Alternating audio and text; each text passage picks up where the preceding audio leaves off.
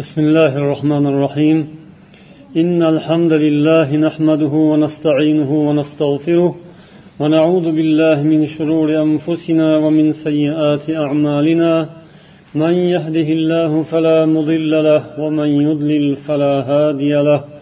وأشهد أن لا إله إلا الله وحده لا شريك له وأشهد أن محمدا عبده ورسوله أما بعد aziz birodarlar hurmatli opalar singillar assalomu alaykum va rahmatullohi va barakatuh bugun sizlar bilan yana dinimizning faxri bo'lgan va siz bilan bizning shiorimiz bo'lgan ehson haqida ya'ni yaxshilik qilish haqidagi mavzumizni davom ettiramiz bugungi suhbatimizda biz olam hayoti mana shu ehson bilan davom etishi to'g'risida va bu suhbat davomida yana islomda ehsonning ya'ni yaxshilik qilishning o'rni haqida allohning barcha ishi ehsondan iborat ekanligi ehsonning tarbiyaviy ahamiyati ehson doirasining nihoyatda kengligi ehsonning darajalari qur'oni karimda kelgan ehson ko'rinishlari haqida to'xtalamiz inshaalloh islom dinimizda ehsonning o'rni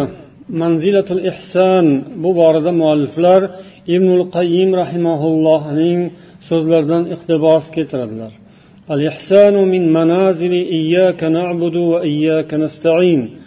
ihson bu iyyaka na'budu va iyyaka nasta'inning manzillaridan biridir sening o'zinggagina ibodat qilamiz seni o'zingdangina madad so'raymiz deb biz har kuni ibodat qilamiz qur'oni karimning onasi ummul kitob bo'lgan fotiha surasini o'qiymiz fotiha surasining o'rtasida qoq o'rtasida joylashgan mana bu oyat bu mana shu oyatning manzillaridan biri ehson manzilidir deydilar ibn qayim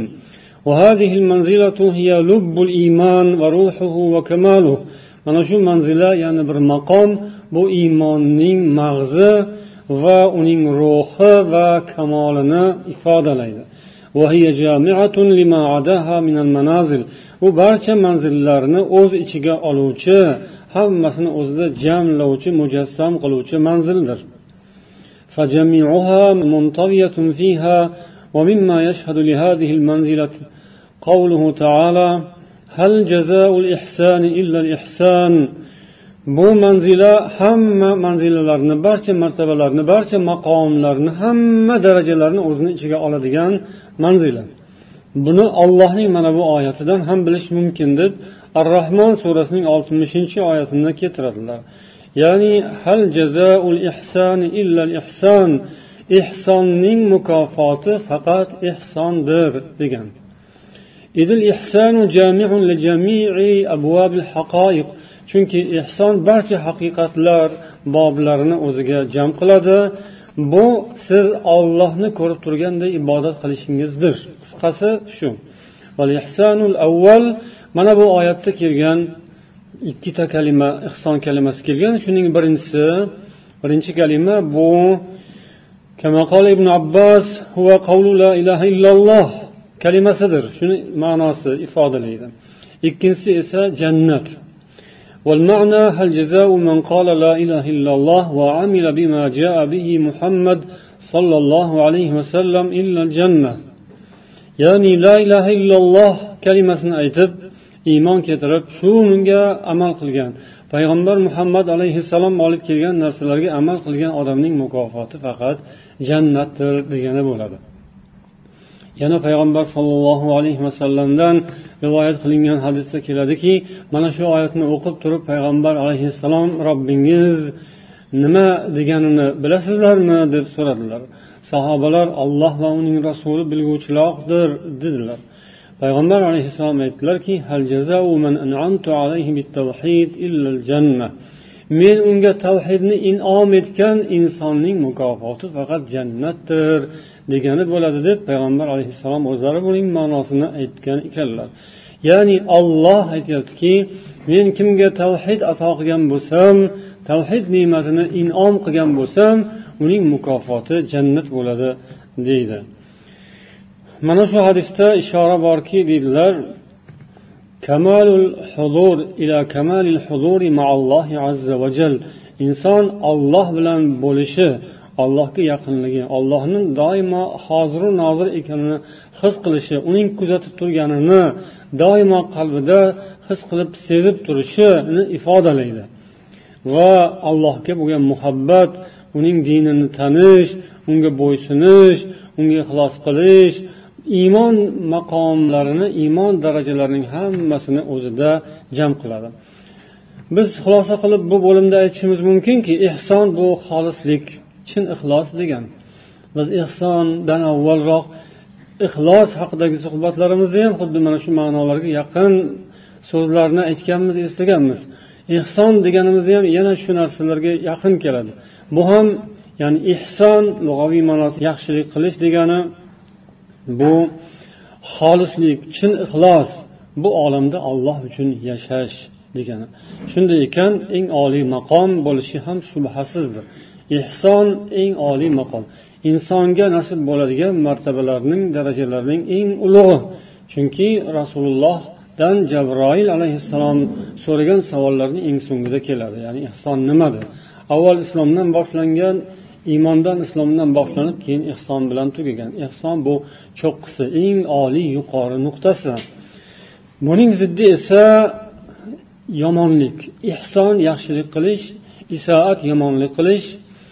ziddi ya'ni kimki agar ehsonga intilmasa yomonlik tomonga qarab og'ayotgan bo'ladi ehson xolislik yaxshilik uning ziddi esa aldamchilik ikki yuzlamachilikdir inson bu dunyoda bir marta yashaydi mana shu bir martalik hayotini rostlik bilan o'tkazish kerak ya'ni ehson bilan o'tkazish kerak ehson bizning faxrimiz bo'lishi kerak ehson bu dinimizning eng oliy nuqtasi ekan diniy tushunchalarni e'tiqodimizni axloqimizni eng yuqori nuqtalaridan nuqtalarini ifoda qilar ekan bu biz uchun nihoyatda muhim doimo shunga intilib yashashimiz kerak endi allohning barcha ishi ehsondan iborat ekanligi haqida nazratun naim mualliflari yozishadiki ihsonu fi suratihi ulya sifatu robbil alamin ehsonning eng oliy surati ollohning sifatidir ya'ni ehsonning surati ko'p darajasi ko'p ko'rinishlari ko'p ularning bir qanchasi bizda bor va yana bir qanchasini intilamiz qo'limizga kiritishga lekin eng yuqori cho'qqisi oliy nuqtasi robbi taoloning sifati bu u faqat ollohning o'zida bo'ladigan ollohning o'ziga xos bo'lgan sifat mana shunday ismda mushtarak lekin mohiyatda ayri ayri allohning zoti sifatida ehson bor yaxshilik bor uning qilgan ishlari ham hammasi yaxshilikdan iborat allohda biror bir yomonlik yo'q hamma ishi ehsondan iborat yomonlik esa buning ehsonning ziddi ekanini aytdik yana biz o'tgan safar suhbatimizda ham aytgan edik yomonlik bu ojizlikdan yalqovlikdan kelib chiqadi yomonlarni yaxshilik qilishdan ojizligi ma'lum bo'ladi bu yerda ya'ni yomonlar yaxshilikdan ojiz yomonlar ojiz yomonlik ojizlikdan kelib chiqadi yaxshilik qodirlikdan keladi lekin yomonlar ham qodir bo'ladiku ko'p narsaga deyilsa aytiladiki yomonlar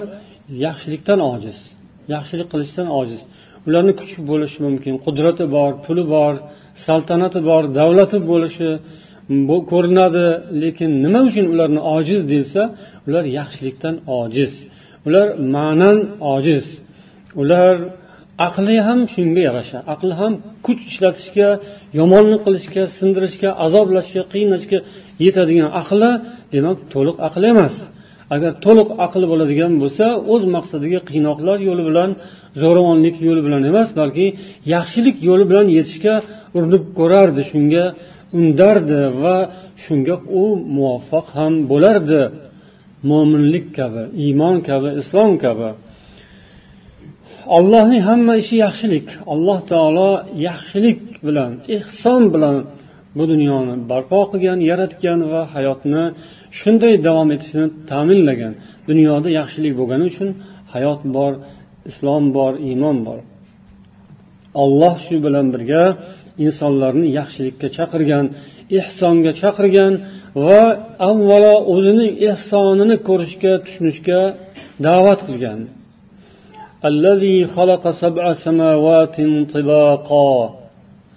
ما ترى في خلق الرحمن من تفاوت فارجع البصر هل ترى من فطور deydi mulk surasida u shunday zotki ustma ust yetti osmonni yaratdi rahmon yaratgan narsalarda biror nomutanosiblikni ko'rmaysiz ko'zni osmonlarga tiking biror halal kamchilik ko'ryapsizmi degan mulk surasida bu oyatda alloh taolo o'zining san'atini tomosha qilishga ko'rishga ibrat olishga o'rganishga chaqiryapti shundan namuna olishga shuning izidan borishga da'vat qilyapti yana davom etadiki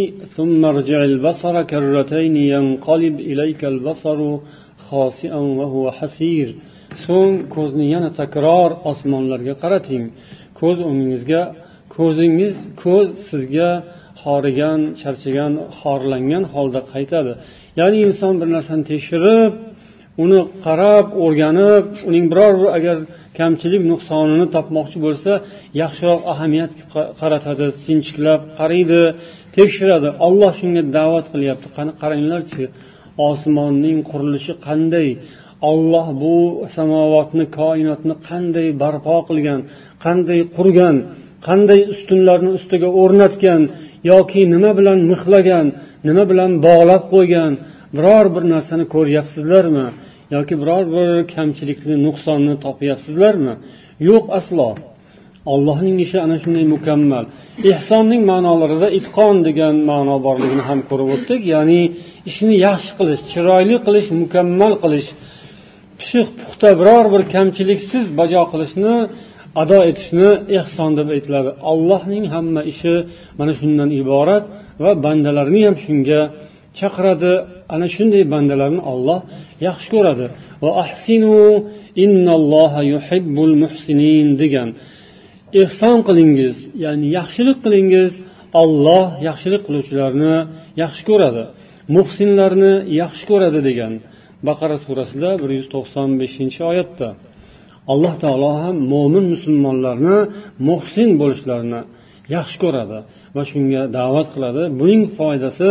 dunyoda ham oxiratda ham nihoyatda ko'p ekanidan olloh bizga shu yo'llarni taklif etadi insonning tabiatini olloh zaif qilib yaratganini ham o'zi biladi shuning uchun ham bandalarni shu zaiflik bilan o'ralishib shuning sababidan qoqilib yiqilib maqsadiga yeta olmay qolishlaridan ogohlantiradi olloh insonni ojiz zaif qilib yaratgani bilan unga mukammallik yo'lini ham ato qilgan va mana shu ehson yo'li bandani mukammal qiladigan kamolotga komillikka yetaklaydigan yo'l agar inson o'z holicha qolib ketsa qanday yaratilgan bo'lsa shundaycha qoladigan bo'lsa u zaifligi ostida mag'lub bo'ladi va ko'p yaxshiliklardan mahrum bo'ladi alloh shuni biladi shuning uchun ham ularni ehsonga chaqirdi yaxshilikka chaqirdi allohu subhanahu عندما نشر أبناء آدم فوق الثرى وناط بهم رسالة الحياة كلفهم أن يكونوا ربانيين أن يحسنوا العمل mualliflar yozishadiki alloh taolo bu yer yuzasiga odam bolasini yoyib tarqatgan ularning zimmalariga hayot risolasini ya'ni vazifasini yuklagan ekan ularni rabboniy insonlar bo'lishlari ya'ni amalni ehson bilan qilishlarini buyurgan mana shunda ularning ojiz zaif tabiatlari g'olib kelmaydi va ular alloh taolo belgilagan olloh chaqirgan kamolot nuqtalariga cho'qqilarga darajalarga amallari bilan harakatlar bilan yetadilar shunday qilib bu ehson yo'li insonlarni yuksaklikka olib chiqargan va ularni taraqqiyotga erishtiradigan yo'l ekani ma'lum bo'ladi yana yozishadiki mualliflar يتضافر كل من العدل والإحسان في تحقيق الشعار الذي ترفعه فلسفة التربية الإسلامية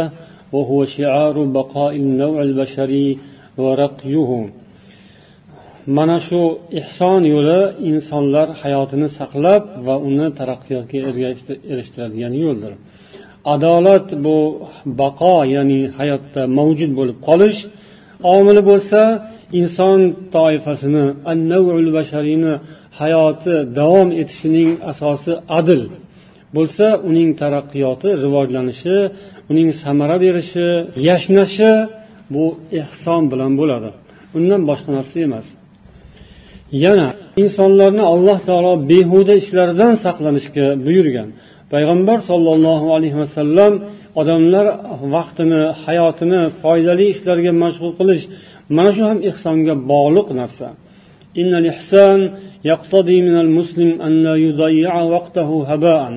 ehson degani musulmon odamdan o'z vaqtini behudaga bekorga o'tkazmaslikni taqozo qiladi payg'ambar sollallohu alayhi vasallam hadisda marhamat qilganlarki ajja qiyoma kim bir chumchuqni o'yin qilib bekorga o'ldirsa qiyomat kuni ollohga u shikoyat qiladi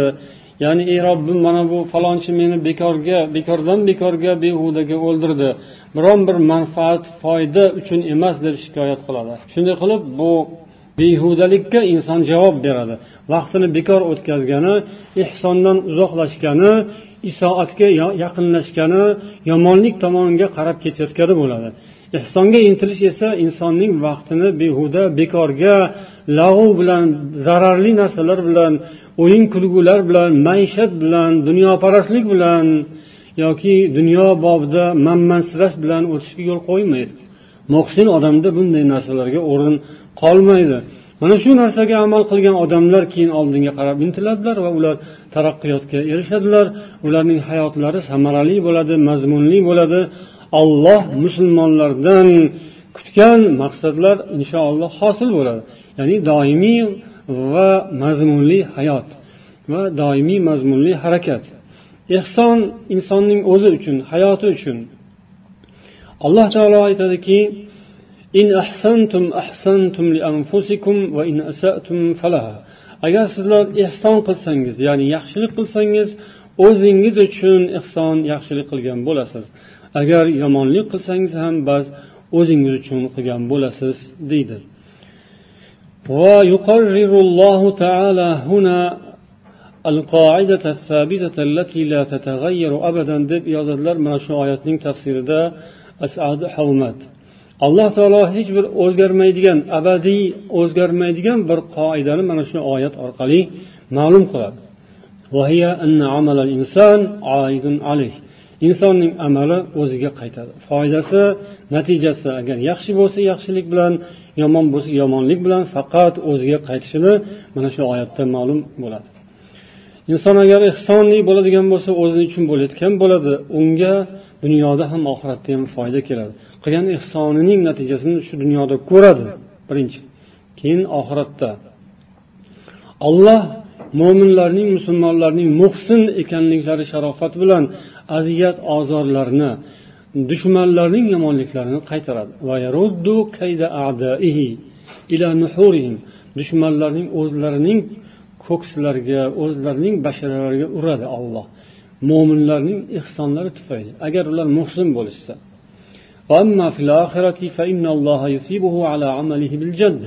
oxiratda esa uning amali bilan olloh jannat bilan mukofotlaydi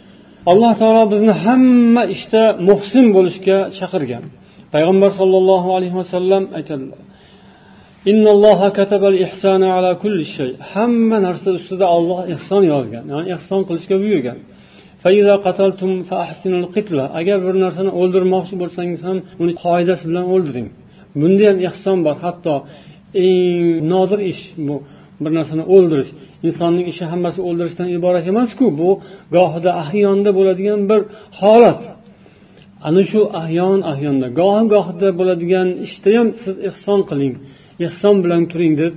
buyuradi olloh odatda odamlar doim qilib yurgan ishini chiroyli qilib ba'zida qiladigan ishini sal xunukroq qilib qo'ysa uzr endi bu ba'zida bo'lib turadida har kuni qiladigan ishimiz emasda shuning uchun shunaqada unga odamni qo'li o'rganmaganda bilmaydida odam deb o'zini o'zi oqlab ham qo'yadi lekin islom goh gohida bo'ladigan ishlarda ham siz muhsin bo'lishingiz lozim ekanini ta'kidlaydi hattoki tilni tushunmaydigan aqli yo'q hayvonot olamiga ham yoki jamoadot olamiga ham jonsiz narsalar bilan muomala qilganda ham payg'ambar alayhissalom ehson bilan bo'lishga musulmonlarni buyurganlar endi suhbatimizning davomida ehson doirasi haqida biroz to'xtalamiz ehson doirasi nihoyatda keng ekanligini bir mushohada qilib ko'ramiz bundan inshaalloh siz bilan bizga judayam ko'p foydalar chiqadi hayotimizda amal qiladigan yo'limizni to'g'rilab borishimizga yordam bo'ladigan ma'nolar bular mufassirlar va mualliflar mana ehson bobida gapirishganda uning besh xil doirasini ko'rsatishgan ya'ni besh doirada ehson sodir bo'lishi yoki ehson musulmon odamdan zohir bo'lishini mm, aytishadi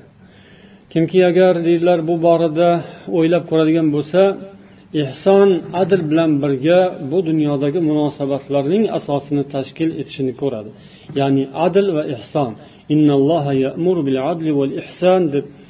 oyatda kelganini o'tgan safar ham esladik olloh adil va ehsonga buyuradi adil bu asos ehson esa uning ustida bo'ladi uni rivojlantiradi adil saqlab turadi ehson uni mevasini tarqatadi atrofga ikkalasi ham bo'lishi kerak faqat adilni o'zi bilan bo'lsa ehson bo'lmasa uning mevasi yo'q quruq yog'och quruq daraxtga o'xshab qoladi agar adil bo'lmasdan faqat ehson ehson bo'ladigan bo'lsa u yo'q bo'ladi u yerda hayot izdan chiqib ketadi ehson bilan adl birgalikda bu olamdagi hamma munosabatlarning asosini tashkil qiladi deyishadi bu doiralarning birinchisi ilan nafsi va dairatul ula birinchisi ehson bu inson o'zining nafsiga ehson qilishdir eng birinchi doira inson o'z nafsiga ehsoni bu qanday bo'ladi deyilsa bu ixlos ibada va kamalu toa ya'ni ibodatni ixlos bilan qilib toatni komil bajarishga intilish bu al ihsanu an ta'budalloha ka'annaka tarahu degan hadisdan zohir bo'ladi va yana allohning e, yuqoridagi in ahsantum ahsantum li anfusikum degan oyatidan ya'ni ibodat qilganingizda allohni ko'rib turganday ibodat qilishingiz bu sizning o'zingizga qaytadi agar yaxshilik qilsang o'zingga yomonlik ham o'zingga degan ma'no demak ehsonning birinchi doirasi o'z nafsiga ehson qilish inson o'zining joniga o'zi rahmi kelsin inson o'zining manfaatini nimada ekanini bilsin insonning manfaati foydasi ollohni ko'rib turganday ibodat qilishda bo'ladi nuqta avvali eng asosiysi shu birinchi doira ikkinchi doira ota onaga yaxshilik qilishni taqozo qiladi وقضى ربك ألا تعبدوا إلا إياه وبالوالدين إحسانا robbingiz faqat uning o'zigagina ibodat qilishingizni va ota onaga yaxshilik qilishingizni amr qildi deydi va ko'p oyatlarda mana shu ihsana takror takror keladi ota onaga yaxshilik qilishga alloh taolo buyurgani ko'p o'rinda ta'kidlanadi bu ikkinchi darajadagi ikkinchi doiradagi ehson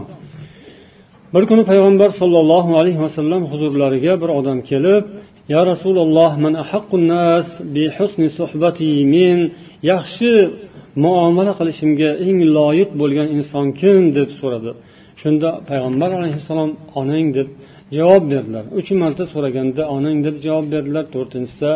otang deb aytdilar ota onaga yaxshilik qilish islom dinimizda nihoyatda ta'kidlangan amallardan va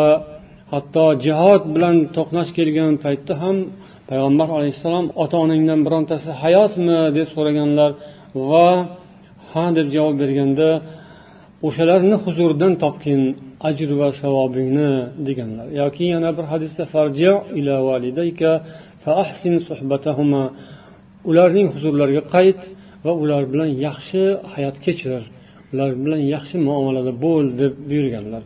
ya'ni mustahab jihodlar o'rnida mana shunday deganlar ota onani roziligini olish ularning xizmatlarida qoyim bo'lish allohga ibodatdan so'nggi turadigan ulug' amal shuning uchun ham ehson doirasida birinchi doira ollohni ko'rib turganday ibodat qilish kerak bo'lsa ikkinchi doira ota ona roziligi shu sohada inson ehsonini namoyon qilish kerak ya'ni ehson yana takror aytamiz bu yaxshilik hamma yaxshilikning hamma turini o'z ichiga oladi ehson ba'zi o'zbeklarda tushunchada bo'lib qolgan xudoyi oshining o'zi emas xudoyi ham ehson sadaqa ham ehson lekin bu tom ma'noda keng ma'nodagi chuqur ma'nodagi ehson haqida gapiryapmiz uchinchi doira qarindoshlar qavmi qarindoshlarga taalluqli bo'lgan doira ehsonning uchinchi doirasi qarobatul nasab va qarobatul jivor ham qarindoshlik va ham qo'shnilik munosabatlari bu borada ham qur'onda judayam ko'p oyatlar kelgan va hali yuqorida o'tgan oyatda ham davomida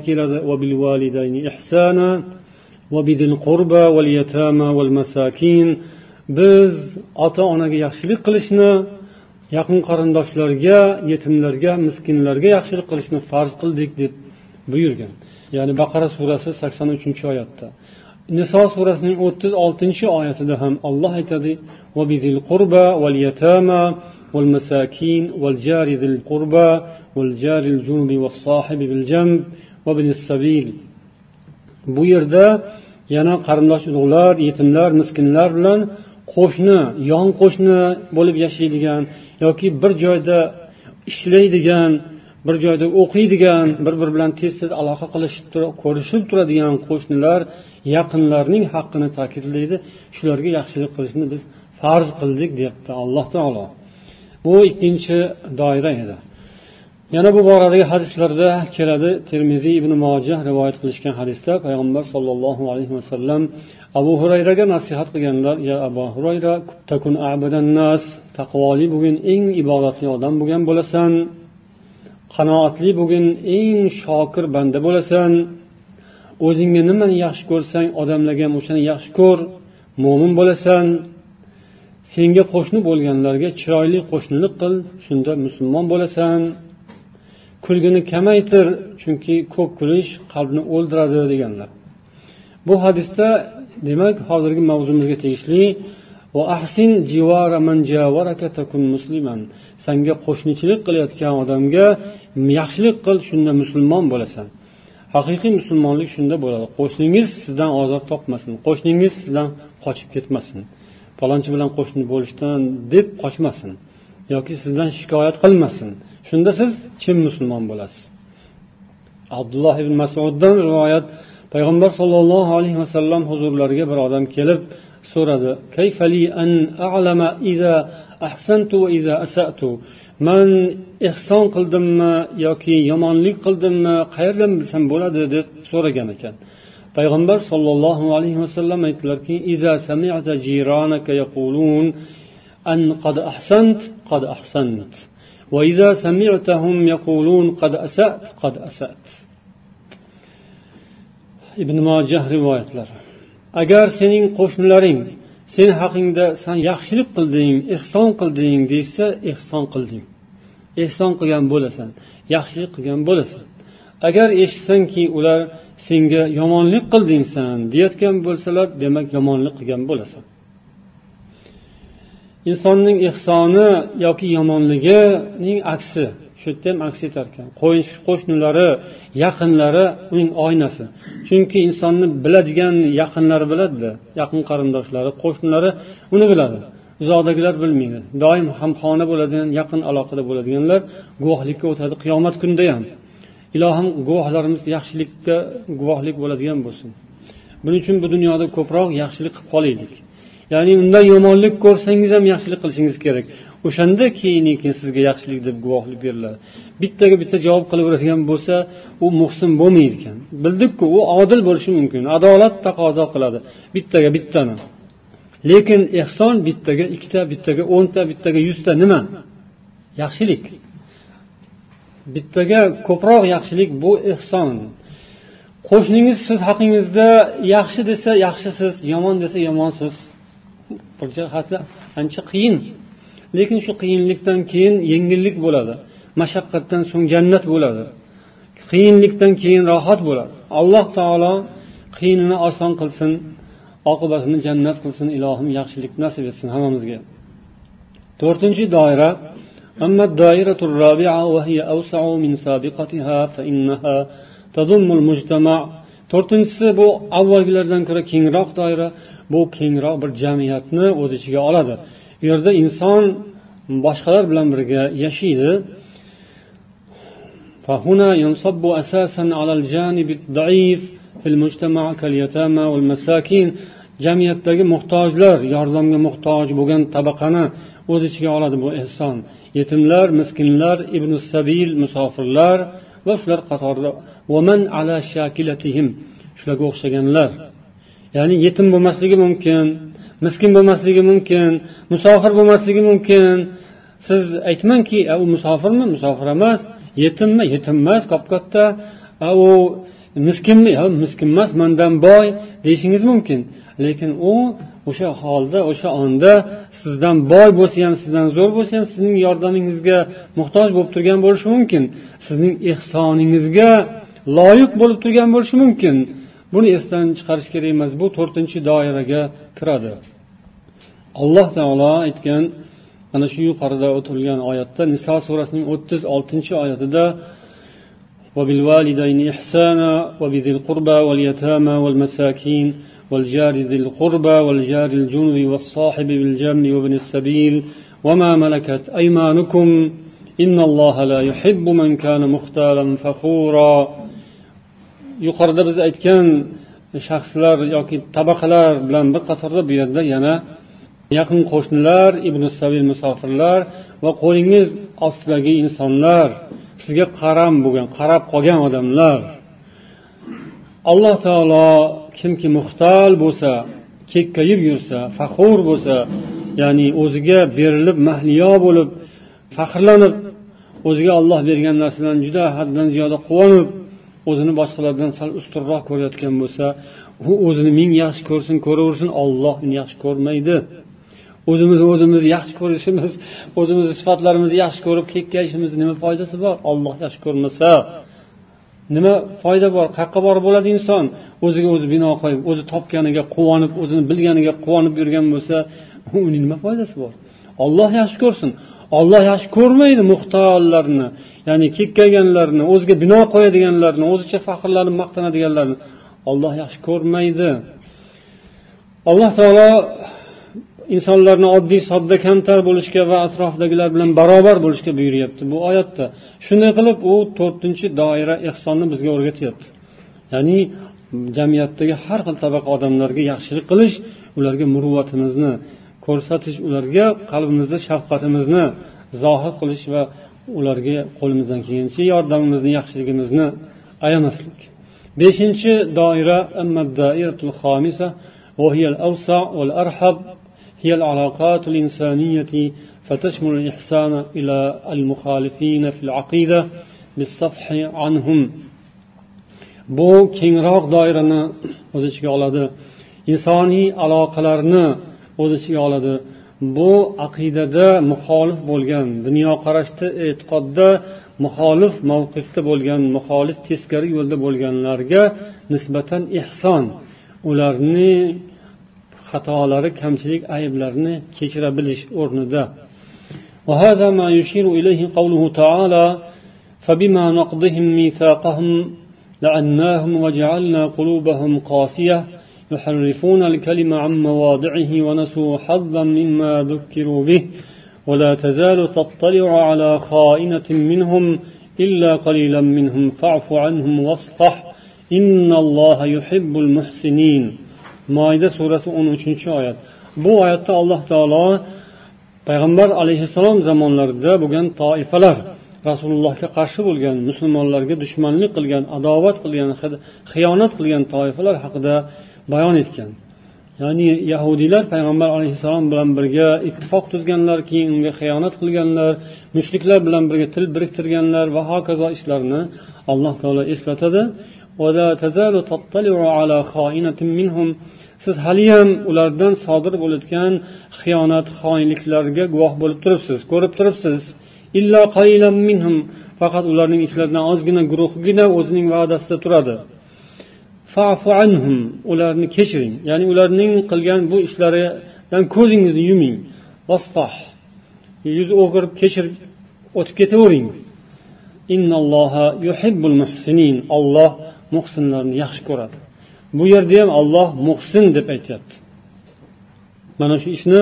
ya'ni ularning qilayotgan xiyonatlaridan ko'z yumish ya'ni o'shanga yarasha javob qilishdan o'zini tiyish shuni hisob kitobini qilaman hozir javobini beraman degan narsaga kirishib ketishdan tiyilish bu ham ehson deb olloh aytyapti alloh taolo bu oyatida keltirgan mana shu ma'nolarni mufassirlar yana ta'riflab tavsiflab yozishadiki nasr nusrat mana shu yerda bo'ladi mana shu yerda shu yerdan boshlanadi va zafar zafar nusrat g'alaba mana shu yo'l bilan bo'ladi mana shunday yo'ldan o'tish kerak nusrat g'alabaga yetadiganlar hamma vaqt bitta bitta javob qilib bitta so'ksa so'kib bitta ursa urib albatta sindirib yo boshqa shunaqa yo'l bilan boriladi g'alabaga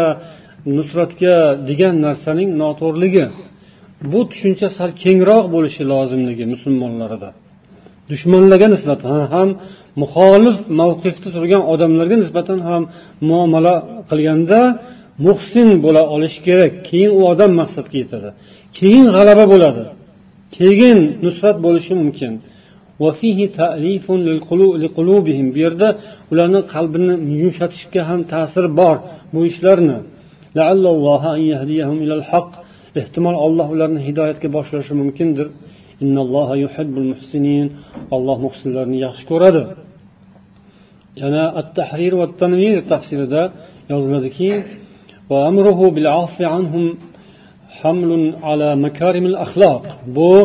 ulardan yuz o'girish ularni ya'ni qilgan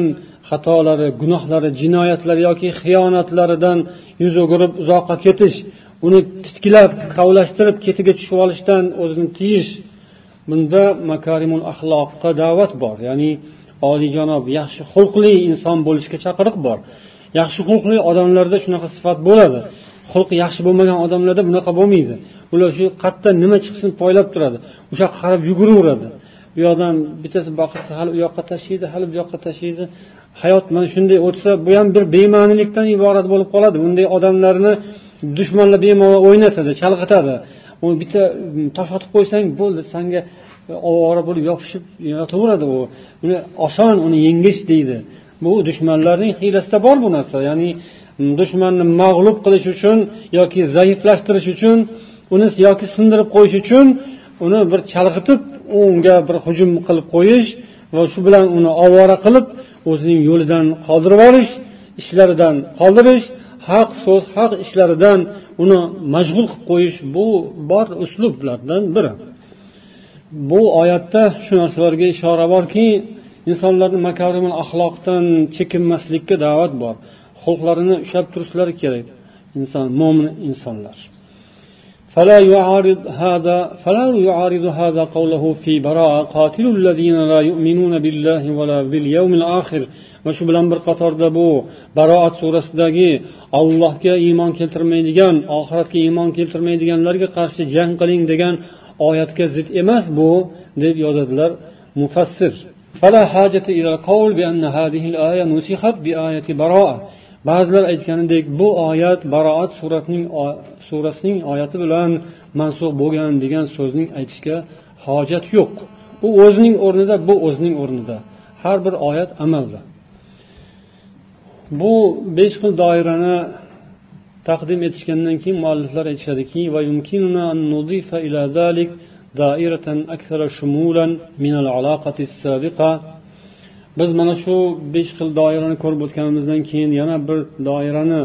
bunga ilova qilishimiz mumkin deyishadi yoki umumiy tarzda hammasining umumlashtiruvchisi bir umumlashtiruvchi o'zini ichiga hamma narsani oluvchi doira sifatida ko'rishimiz mumkin bo'lgani doiratul hayot بكل ما fiha min nabatin aw حيوان aw jamadin va ila zalika yushiru الله تعالى ya'ni bu doira hamma narsani hayot degan tushuncha ning ichida nima bo'lsa hammasini o'z ichiga oladigan doira buni ichida odamzod ham bor hayvonot ham bor o'simliku jonsizu jonli barcha barcha koinot borliq buning barchasiga ehson qilish barchasiga ehson bilan munosabatda bo'lishni o'z ichiga oladi ولا تفسدوا في الأرض بعد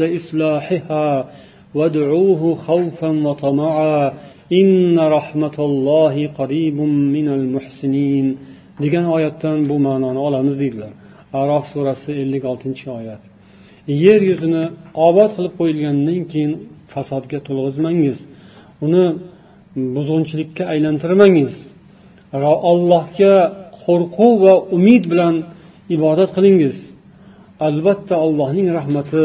muhsinlarga juda yaqindir degan oyat mana bu oyatda butun yer yuzini tinchligini obodligini saqlashga buyuriladi bu narsa ko'p narsaga bog'liq ekanligi o'zingizga ma'lum alloh taolo muhsinlarni yaxshi ko'radi muhsinlarga uning rahmati yaqindir deydi agar biz shu ehson borasidagi so'zlarga amal qila olsak allohning rahmatiga yaqinlashar ekanmiz allohning rahmati ehson qiluvchi odamlarga yaqin ekanligini bayon qilyapti endi ulamolar ehsonning o'zaro ehson tushunchasining ichidagi darajalar haqida ham to'xtab o'tishgan biz ham shu bilan tanishsak inshaalloh yana ham yaxshiroq tushungan bo'lamiz ehson o'zi eng oliy darajali sifat bo'lish bilan bir qatorda uning ichida ham darajalari mavjud qaysi biri ulug'roq ekanini hozir ko'ramiz mualliflar aytishadiki يأتي الإحسان على درجات متعددة وكلها ينضوي تحت المفهوم الشامل السابق eng olisi olloh huzurida bo'ladigan ehson ya'ni allohga nisbatan bo'ladigan ehson buni o'sha payg'ambar hadislarida aytilgani ya'ni allohni ko'rib turganday ibodat qilish va farz ibodatlardan tortib nafl ibodatlar boshqa ibodatlarni ham mana shunday ruhda bajo qilish eng oliy yuqori darajada turadigan ehson bo'ladi qolganlari undan keyin keladi ikkinchi darajagisi esa تأتي بعد ذلك مراتب أخرى للإحسان والإحسان في النية بعد أمر يعد أمرا مهما inson o'zining niyatini to'g'irlash hamma ishda niyatini qalbini poklash dilini to'g'ri qilish bu ehsondagi muhim nuqtalardan biri chunki odam agar dili qalbi pokiza bo'lmasa uning ehsoni amalga oshmaydi uchinchisi inson xatti harakatlari va muomalotlaridagi ehson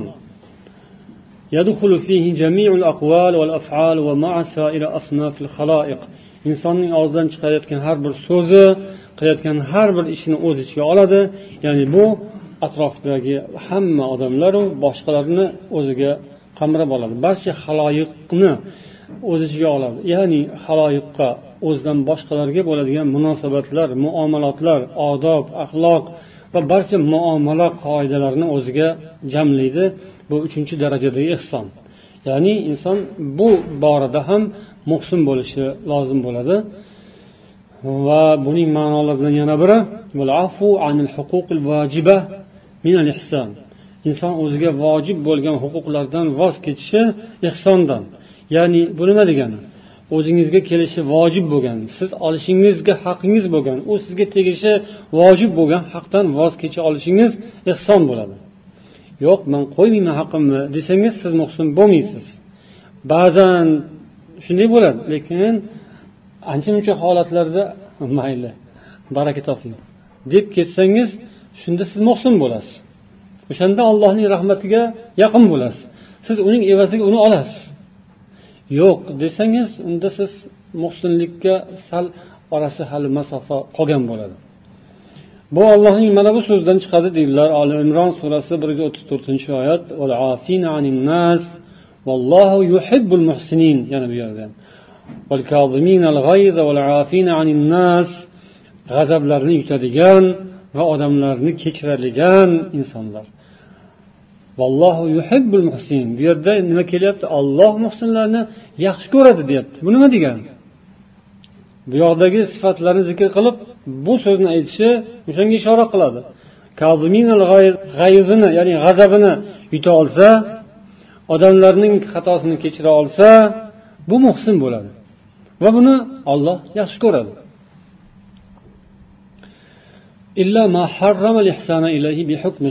shariat hukmi bilan adolat qilish kerak bo'lgan o'rinlarda bu narsa to'xtaydi ya'ni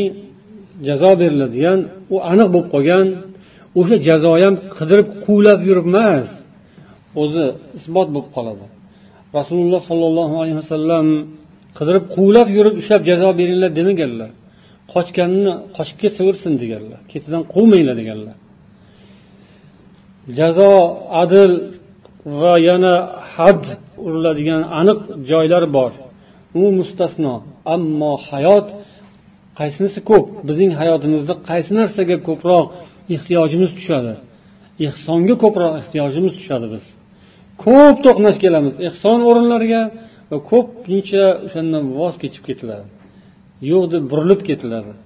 shunda ko'p yaxshilikdan burilib ketayotgan bo'ladi odamzod olloh asrasin ehsonni tanimaslikdan shu nimadan degan savol qo'ysak shu savollarning javoblari har xil bo'lishi mumkin bir qancha javoblari bor ehsondan yuz o'girib ketilish ehsonni nazarga ilmaslik undan boshqa yo'lni afzal ko'rish sababi nima sabablaridan biri shu bilmaslik johillik nodonlik ba'zida bilib turib qilsa u ahmoqlik u ancha yomon narsa lekin ko'pincha bilmasdan tushunmasdan shuni anglamasdan biz o'zimizni o'zimiz yaxshilikdan uzoq qilib qo'yamiz ekan olloh asrasin olloh kechirsin ومن أدنى مراتب الإحسان ما ورد في الصحيحين ehsonning eng quyi darajalaridan misol sifatida sahihaynda kelgan mana bu hadisda aytilgan voqea رأت كلبا يلهث من العطش bir bog'iya ayol ya'ni fohisha ayol bir itni tashnalikdan tili osilib tuproqni yalayotgan qumlarni yeyotgan itni ko'rib shunga rahmi kelib kavshni yechib chuqurdan ya'ni it olmaydigan joydan suv olib chiqib uni sug'organ va shu bilan olloh uning gunohlarini kechirgan bu ehsonning quyi darajalaridan biri islomda bu quyi darajada bo'lsada bu ham ehson ko'rinishlaridan biri ekan ibn qayyim al javziya ehson haqida so'zlaganlarida bu kishi ham ehsonning darajotlari haqida yozganlar va shunga qo'shimcha sifatida aytganlarki siz bu ehsonni rioya qilishingiz uni saqlashingiz ya'ni riyodan ko'z ko'z qilishdan va uning vafosini ham ado etishingiz ehsondan ya'ni ehsonga bidavomil vafa tajannubil jafa takunul muroat uning rioyasi ehsonning rioyasi davomiy vafo bilan bo'ladi davomiy vafo degani shu ishga doimiy ravishda amal qilish bir o'rinda ehson qilib shunday ham bo'ladida bir marta ehson qilib qo'ysa o'shani hech esdan chiqarmay boshqa ehson o'rinlari kelganda o'shani olib kelaveradi shayton yodiga bo'lgu san qilgansanku boshqalar qilsin endi sanga bu vojib emasku ya'ni уже bittasini ushlab oladi yuraveradi bayroq qilib o'zicha bo'ldi u qotirib qo'ydi uni hamma narsani do'ndirdi bo'ldi hech narsani haqqi qolmadi balkim haqqi qolmagandir lekin ehsonning haqqi qoldi bidavomil vafo vafoning doimiyligi bilan bo'ladi ehson siz bir ko'rinishda ehson qilib bir ko'rinishda uning teskarisini emas iloji boricha hamma vaqt hamma o'rinda ehson qilishga ya'ni yaxshilik qilishga ezgulik qilishga oliyjanoblik qilishga harakat qilishingiz bilan siz muhsin bo'lasiz inshaalloh chunki ehson qalbda bo'ladi uni olloh ko'rib turadi siz olloh ko'rib turganday ibodat qilishingiz ehson bo'ladi siz bir o'rinda yaxshilik qilib ehson muruvvat qildingiz ikkinchi o'rinda esa bo'ldidi degan xayolda turgan paytingizda ro'barangizda agar ollohni ko'rib qolsangiz o'sha paytda nima qilardingiz ha nechta marta qancha qilgan bo'lsangiz ham hozir endi bu zot ko'rib turibdiyu buni oldida qilish kerak endi avvalda million marta qilgan bo'lsam endi qilish kerak deb qoladiyu odam yoki avvalda aytganimizdek bir martabali odamni oldida tursangiz qanday bo'lasiz o'sha paytda odamlar o'zini ko'rsatishga harakat qiladi ya'ni bir amaldor yoki bir podshohning huzuriga kelib qolgan bo'lsa uni oldida o'zini yaxshilik qiladigan qilib ko'rsatishga inson urinadi bandasini oldida ollohning huzurida biz turibmiz doimo olloh ko'rib turibdi ollohni biza ko'rib turgandek agar bunday bo'lolmasak olloh bizni ko'rib turibdi degan e'tiqodda bo'lsak biz ehsonni hisobini sanab o'tirmaymiz bitta qildim ikkita qildim endi bo'ladida demaymiz agar u bizni doim ko'rib turganligini his qilsak doim qilishga harakat qilamiz alloh muvaffaq qilsin alloh muvaffaq qilsa doim qilasiz alloh muvaffaq qilmasa millioningizni taxlab qo'ygan bo'lsangiz ham qilmaysiz olloh yaxshi ko'rgan bandasini muhsin qilib qo'yadi olloh ana shunday insonlardan bo'lishimizni nasib etsin yana nodratun naim mualliflari qur'oni karimda kelgan ehson ko'rinishlarini sanashgan o'n ikki xil ko'rinishni sanashdi karim o'zi aslida ehson butun hayotni o'z ichiga jamlab qamrab olar ekan uni sanashning iloji yo'q bularni aytishadiki iloji yo'q uni bir belgilab chiqishning iloji yo'q qiyin lekin shunday bo'lsa ham qur'oni karimda muhsinin muhsinin ehson degan o'rinlardan kelib chiqib o'n ikki xil ko'rinishni zikr qilishgan birinchisi eng muhimlarini sabr qilinadigan o'rinlarda sabrga rioya qilish bu ham ehsonning bir ko'rinishi ekan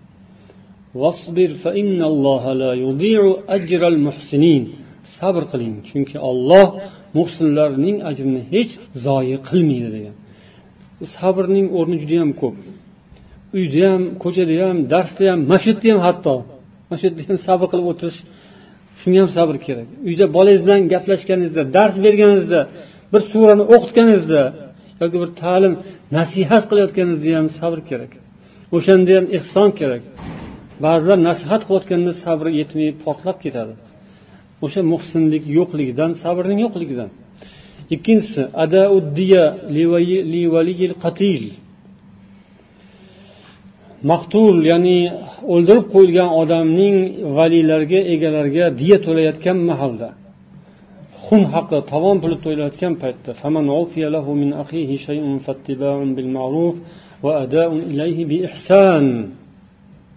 o'shani ado qilishda ham ehson bilan yaxshilik bilan ado qilish bor yoki yomonlik bilan ham boshqa o'rinlarda ham misol mutallaqotlar zikr kelganda yana uchinchi o'rinda shu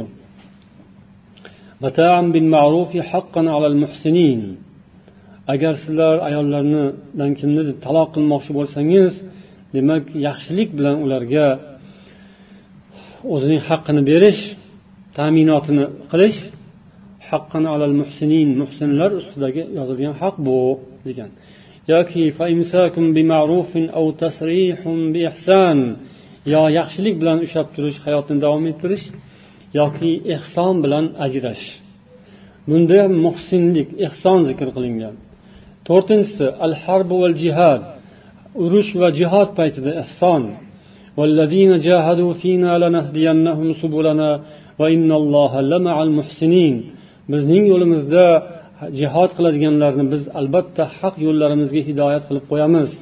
alloh albatta muhsinlar bilan birgadir degan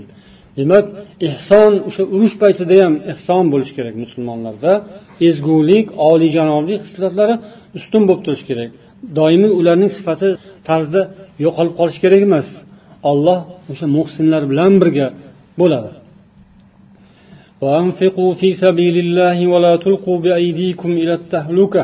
وأحسنوا إن الله يحب المحسنين alloh yo'lida infoq qilingiz o'zingizni o'zingiz halokatga tashlamangiz ehson qilingiz olloh ehson qiluvchilarni albatta yaxshi ko'radi ya'ni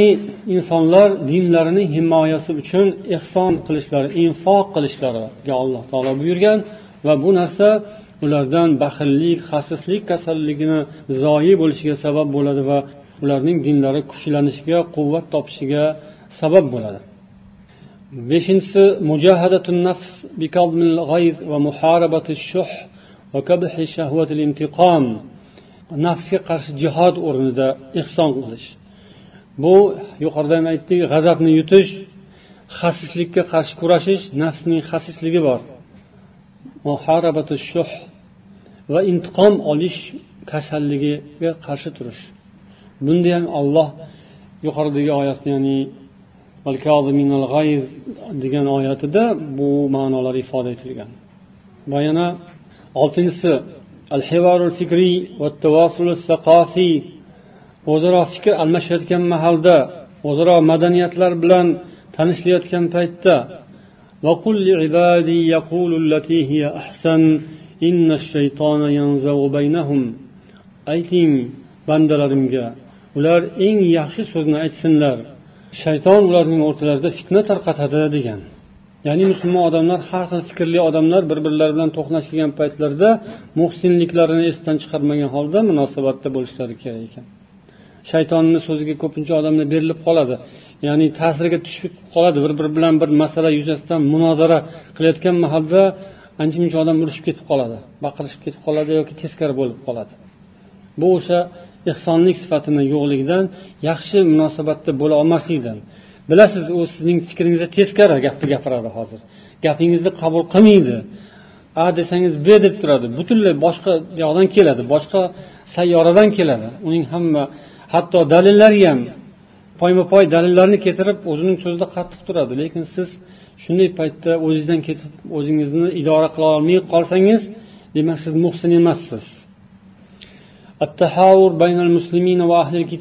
musulmonlar va ahli kitoblar o'rtasidagi muloqotlar so'zlashuvlar borasida ham muhsin bo'lish ahli kitoblar bilan faqat eng go'zal suratda mujodala munozara qilingiz degan ankabut surasi qirq oltinchi oyatda buni ham demak har insonning qo'lidan keladigan ish emas lekin musulmon odam to'qnash kelishini bilsa shunga tayyor bo'lishi kerak sakkizinchisi al husumatu val xilofat husumat xilof bo'lib nizolar janjallar to'qnashuvlar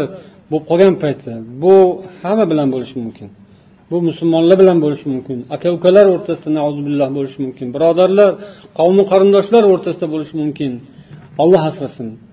ولا تستوي الحسنة ولا السيئة ادفع بالتي هي أحسن yaxshilik bilan yomonlik barobar bo'lmaydi eng yaxshi narsa bilan javob qiling siz yomonlik kelayotgan bo'lsa siz unga yaxshilik bilan javob qiling qo'lingizdan keladimi kuchingiz yetadimi kuch yetish bu aql yetishga bog'liq oldin aqlimiz yetishi kerak shu narsaga aqlimiz quvvat bo'lsa kengroq bo'lsa yetadigan joyini topamiz ya'ni yomonlikka mo'ljallab turib bitta yaxshilikni topib o'sha bilan javob qilib o'sha bilan qaytarib yuborsa bo'ladigan nuqtasi bo'ladi o'zi nuqtasiga nishonga tekkazdi deydiyu o'shanaqani tekkaza olamizmi yo yo'qmi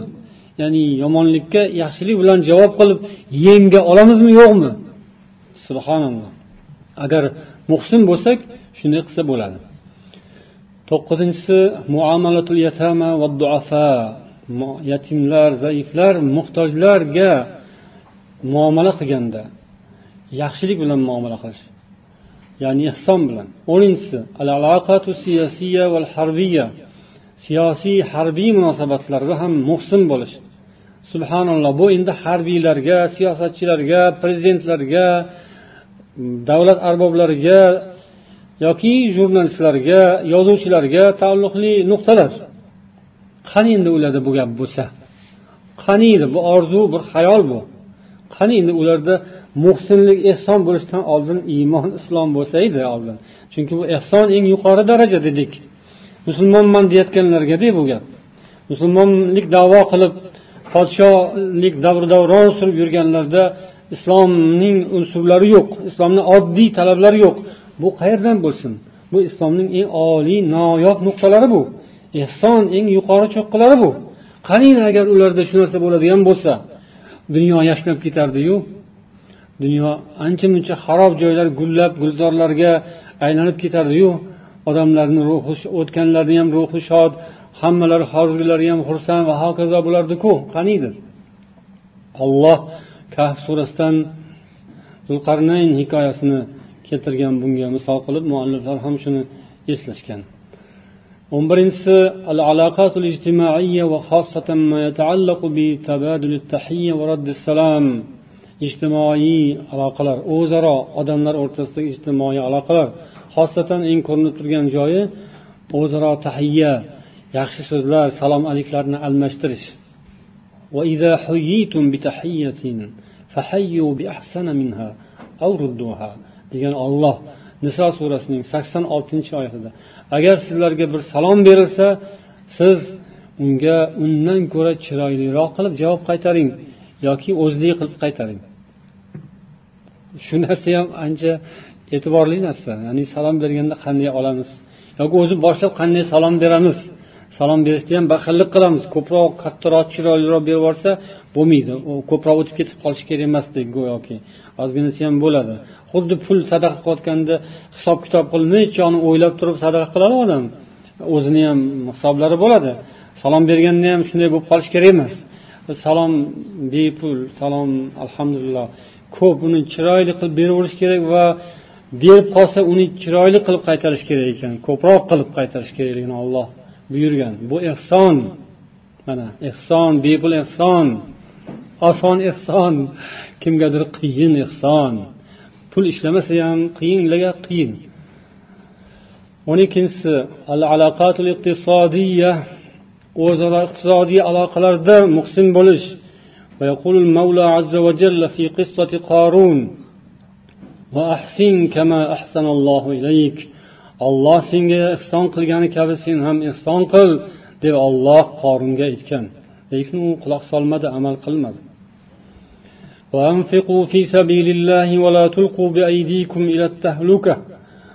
olloh yo'lida infoq qilingiz ehson qilingiz o'zingizni o'zingiz halokatga tashlamangiz va ahsinu innalloha yuhibbul muhsinin ehson qilingiz olloh ehson qiluvchilarni yaxshi ko'radi deydi mana shu o'n ikki xil ko'rinish mana shu o'n ikkinchi xil ko'rinishda ajoyib ma'nolar bor buni inshaalloh kelgusi suhbatimizga qoldirarmiz ya'ni o'zaro iqtisodiy aloqalarda muhsin bo'lish buning natijasi nima bo'lardi mana shu o'zaro iqtisodiy aloqalarda muhsinlar yo'qligi bugungi kunda yoki muhsinlik bo'lmayotganligining kulfati kasofatlari nimalarda ko'rinayotganligi buni ustida biroz to'xtasa bo'ladi inshaalloh سبحانك اللهم وبحمدك